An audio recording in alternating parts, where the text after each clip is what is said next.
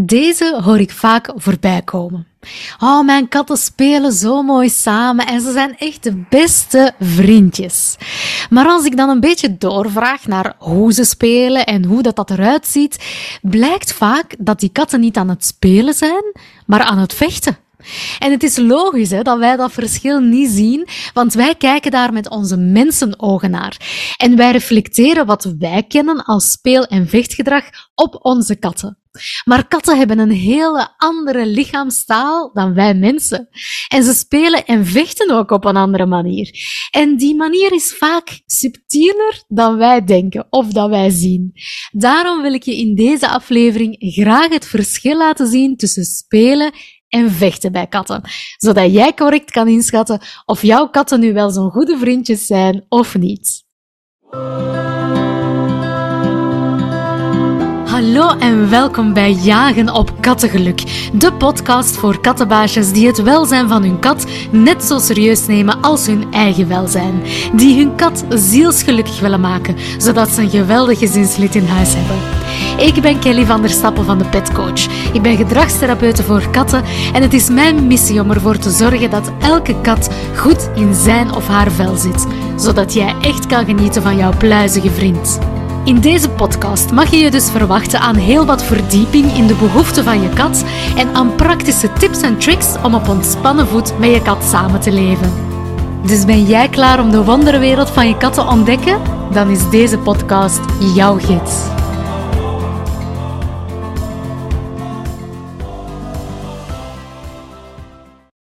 Hey, zo fijn dat jij er weer bij bent en dat je luistert naar deze aflevering. En het wordt weer een goeiekes, hè? Al, zeg ik het, eh, al zeg ik het zelf.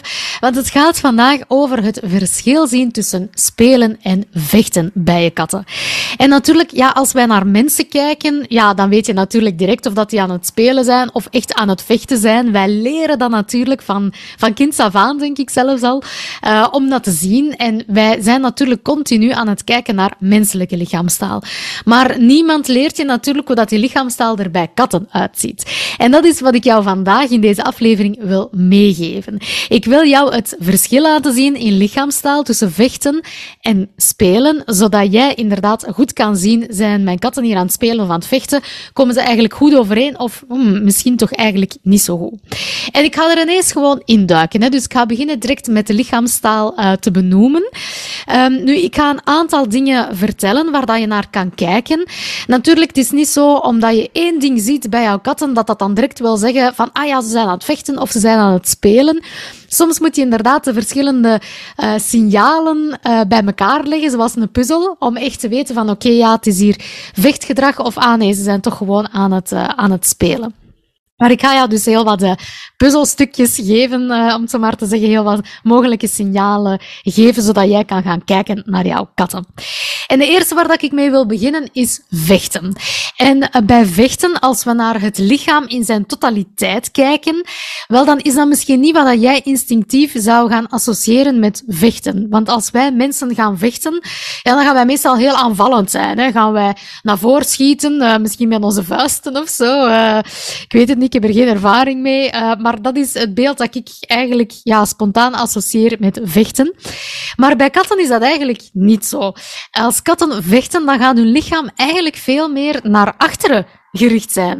Um, gaan zij hun eigen lichaam willen beschermen, dus zij gaan zich naar achteren um, wenden. Dus hun lichaam is meer ja, zo van naar achteren um, gericht. natuurlijk, ja, hun hun ogen zijn nog wel gericht op het gevaar, uiteraard, hè, op, de, op de tegenstander. Hè, maar hun lichaam gaat ja, zo wat achteruit, zeg maar. Hè, en zij gaan proberen om met hun voorpoten toe te slaan. Uh, maar zij willen natuurlijk dat de rest van hun lichaam beschermd is. Dus dat gaan zij proberen uit het, uh, het slagveld te houden, zeg maar. Om te zorgen dat de andere kat daar niet aan kan met haar, uh, met haar voorpoten of ja, met haar tanden of, of wat dan ook. Hè. Dus lichaam eigenlijk meer naar achter gericht. Wat je ook ziet, is dat ze echt wel, ja, als ze, als ze gaan uithalen met hun, met hun hun voorpoten, dat zij ook echt hun klauwen, hun nagels echt gaan gebruiken. Omdat ze echt wel schade willen toebrengen aan een tegenstander. Het kan ook zijn dat zij beginnen bijten en dat ze dus echt wel, ja, serieus gaan, gaan bijten. Hè. Dus het is niet zo um, speels bijten, het is echt wel bijten om, uh, om ja, verwondingen toe te brengen aan de tegenstander natuurlijk. Hè. Dus dat kan, uh, dat kan ook. Wat je ook vaak ziet bij, bij vechten, is dat het vaak, ja, hoe moet ik dat nu zeggen, in, um, in één richting is. Uh, dat het vaak één kat is die de andere kat achterna jaagt. En dat de andere kat eigenlijk ja, gaat wegvluchten. Dus dat de ene aanvalt en de andere gaat wegvluchten. Dus dat dat vaak in één richting is. Um, wat kan je nog in doog houden? De ogen. De ogen, kijk een keer naar de pupillen in de ogen. Als die groot zijn, zonder dat daar echt een, een andere aanleiding toe is. Hè. Dus stel dat het heel donker is um, en dat daardoor hun pupillen heel wijd zijn om goed te kunnen zien in het donker, dat is iets anders natuurlijk. Maar is er gewoon goed licht, zeg maar, en hun pupillen zijn toch verwijt, dan kan dat inderdaad ook wijzen op echt dat, dat agressieve gedrag, op echt dat vechten. En op natuurlijk heel wat, heel wat stress, want eigenlijk is dat een signaal van stress. Ik voel me hier gestresseerd.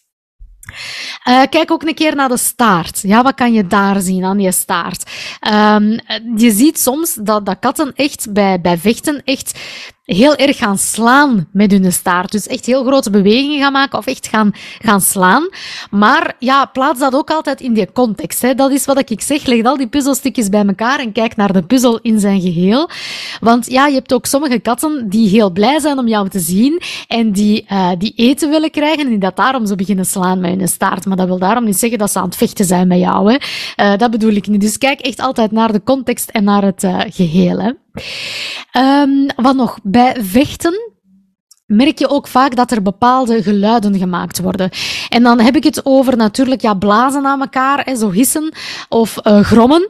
Uh, er zijn zelfs katten die spuwen. Ja, echt waar. Uh, je hebt nu misschien direct een associatie met een lama, maar uh, katten kunnen ook uh, spuwen echt als ze aan, aan het vechten zijn.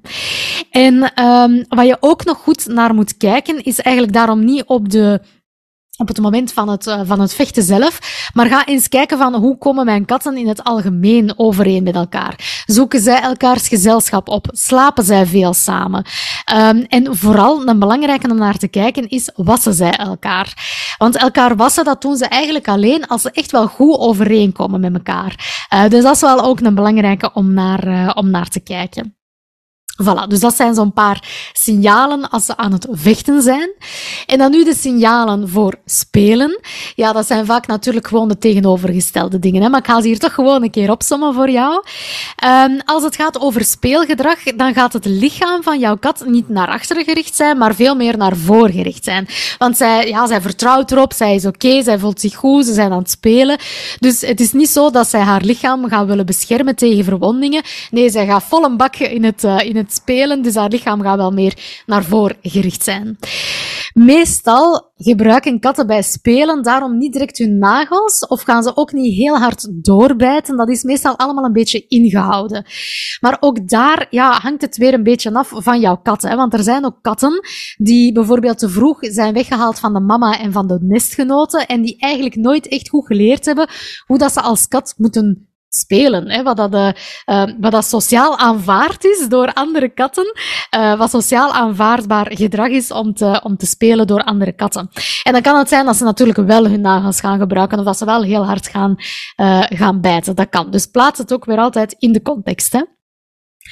Um, wat nog? Um, meestal bij spelen gaan ze zo'n beetje van, van beurt wisselen. Dus gaat de ene kat de andere kat achterna zitten en dan daarna gaan ze een keer wisselen. Tegenover vechten is vaak in één richting, omdat de ene kat aanvalt en de andere wegvlucht. Maar bij spelen ja, kan je het vaker zien dat het in, uh, in de beide richtingen uh, is. Dus dat kan ook een indicatie zijn dat het meer om spelen gaat dan, uh, dan vechten.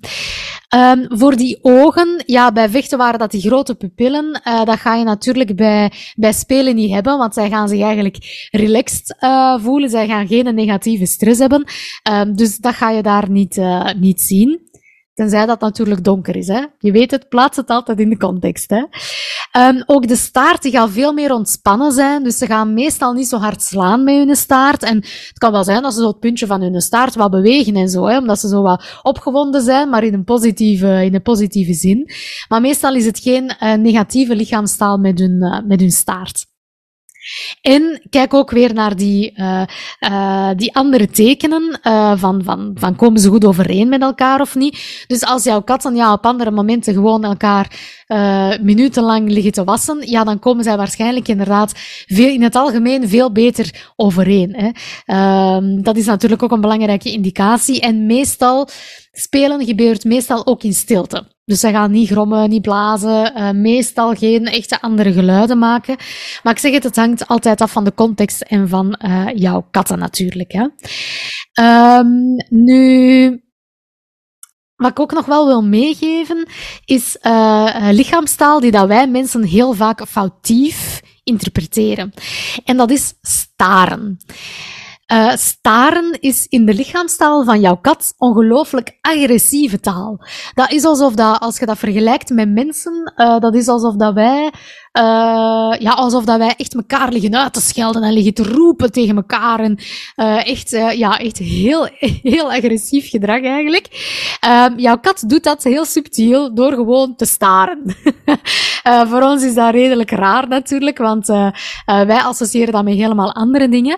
Maar als jij dus jouw katten ziet staren naar elkaar, dus echt zitten kijken naar elkaar, Um, weet dan dat dat ongelooflijk veel stress geeft bij jouw kat. Dat is echt een negatieve emotie. Hè? Um, dus besef dat heel goed. Probeer om jouw kat dan op dat moment uh, ook niet meer te laten staren. Probeer dat te doorbreken door daar um, een, een, ja, een, een, laken tussen te hangen, bijvoorbeeld. Dat zij, dat zij niet, kunnen, uh, niet kunnen staren, dat zij daar even uitkomen. Want zij geraken daar vaak ook heel moeilijk uit. Zij zijn zo gefixeerd en zitten zo gefixeerd te staren naar die andere kat, dat ze daar ook vaak ja, gewoon heel moeilijk uit geraken. Dat ze in die modus blijven zitten. En dat is heel ongezond natuurlijk. Hè. Dat is echt niet goed voor de gezondheid uh, van jouw kat. Niet, niet, niet mentaal en niet fysiek natuurlijk. Hè. Um, dus staren, ja, dat is echt ongelooflijk agressief. Dan komen ze echt niet goed overeen. Hè. Uh, dat is niet dat ze elkaar lief in de ogen kijken. Hè. Dat is echt, ik moet jou niet. maar echt heel agressief dan. Hè. Um, voilà. Dus die wilde ik zeker nog, uh, nog meegeven van het staren. En ja, je hebt misschien nu ook spontaan de vraag van, goh Kelly, ja, maar ja, eh, ik zie mijn katten wel um, elkaar wassen en zij slapen wel samen.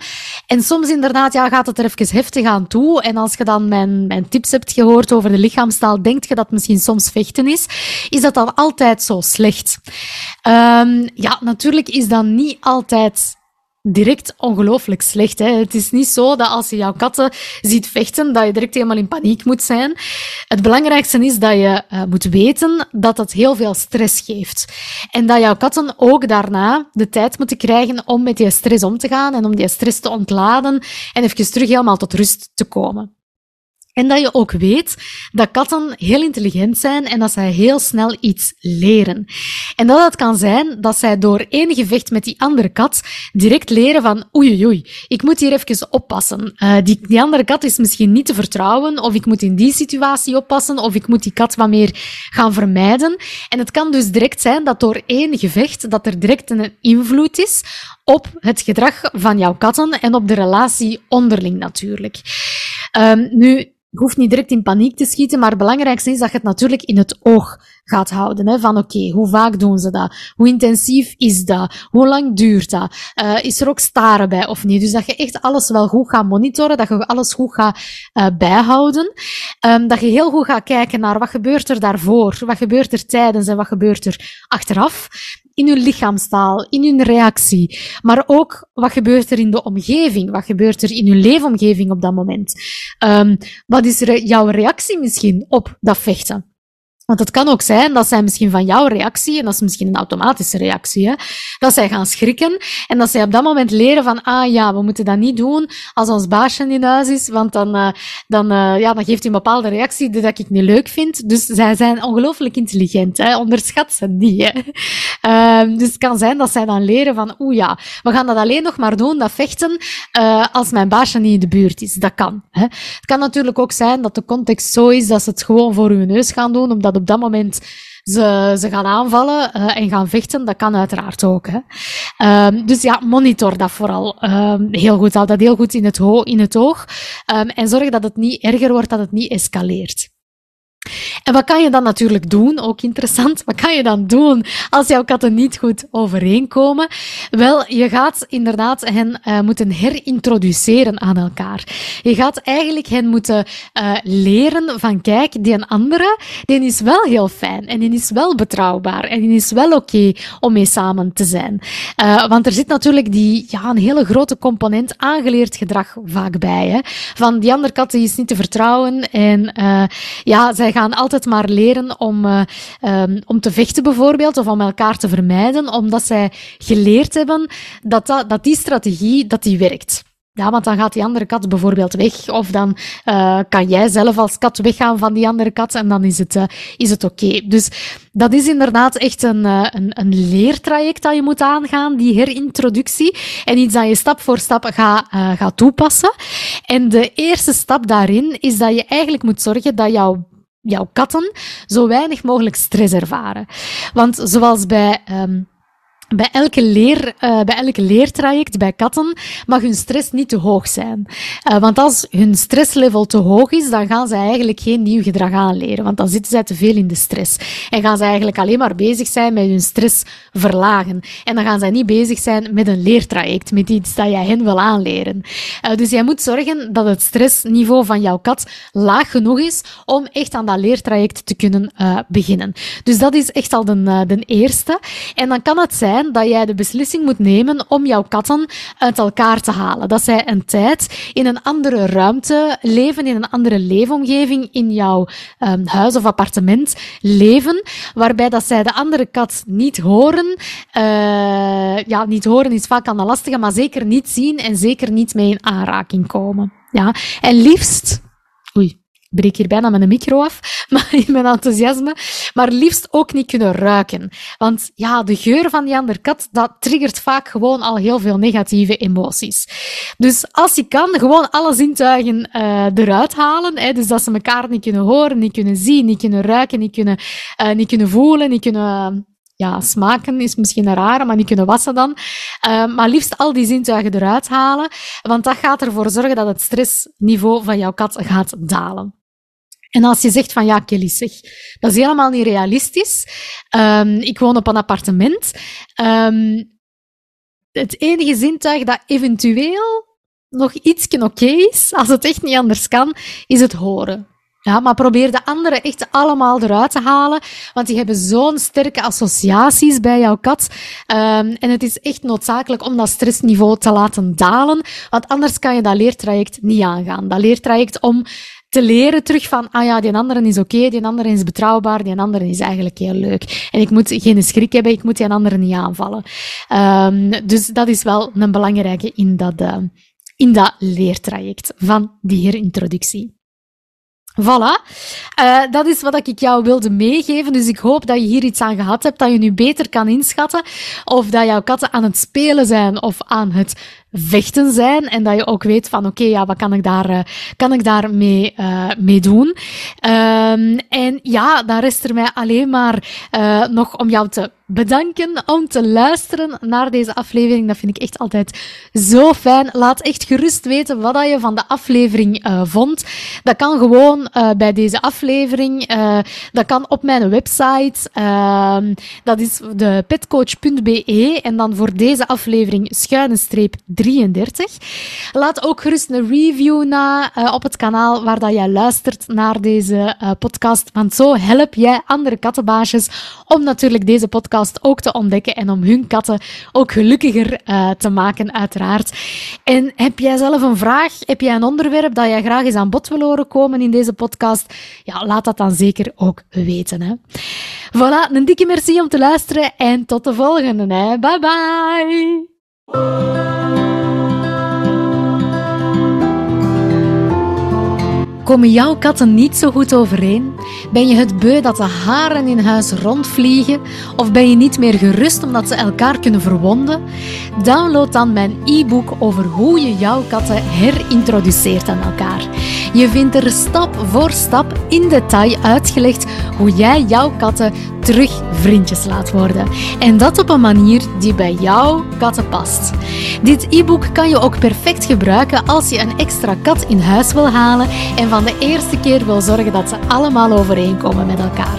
Je vindt alle informatie om dit e-book te downloaden in de show notes bij deze aflevering of op de petcoach.be schuine streep 33.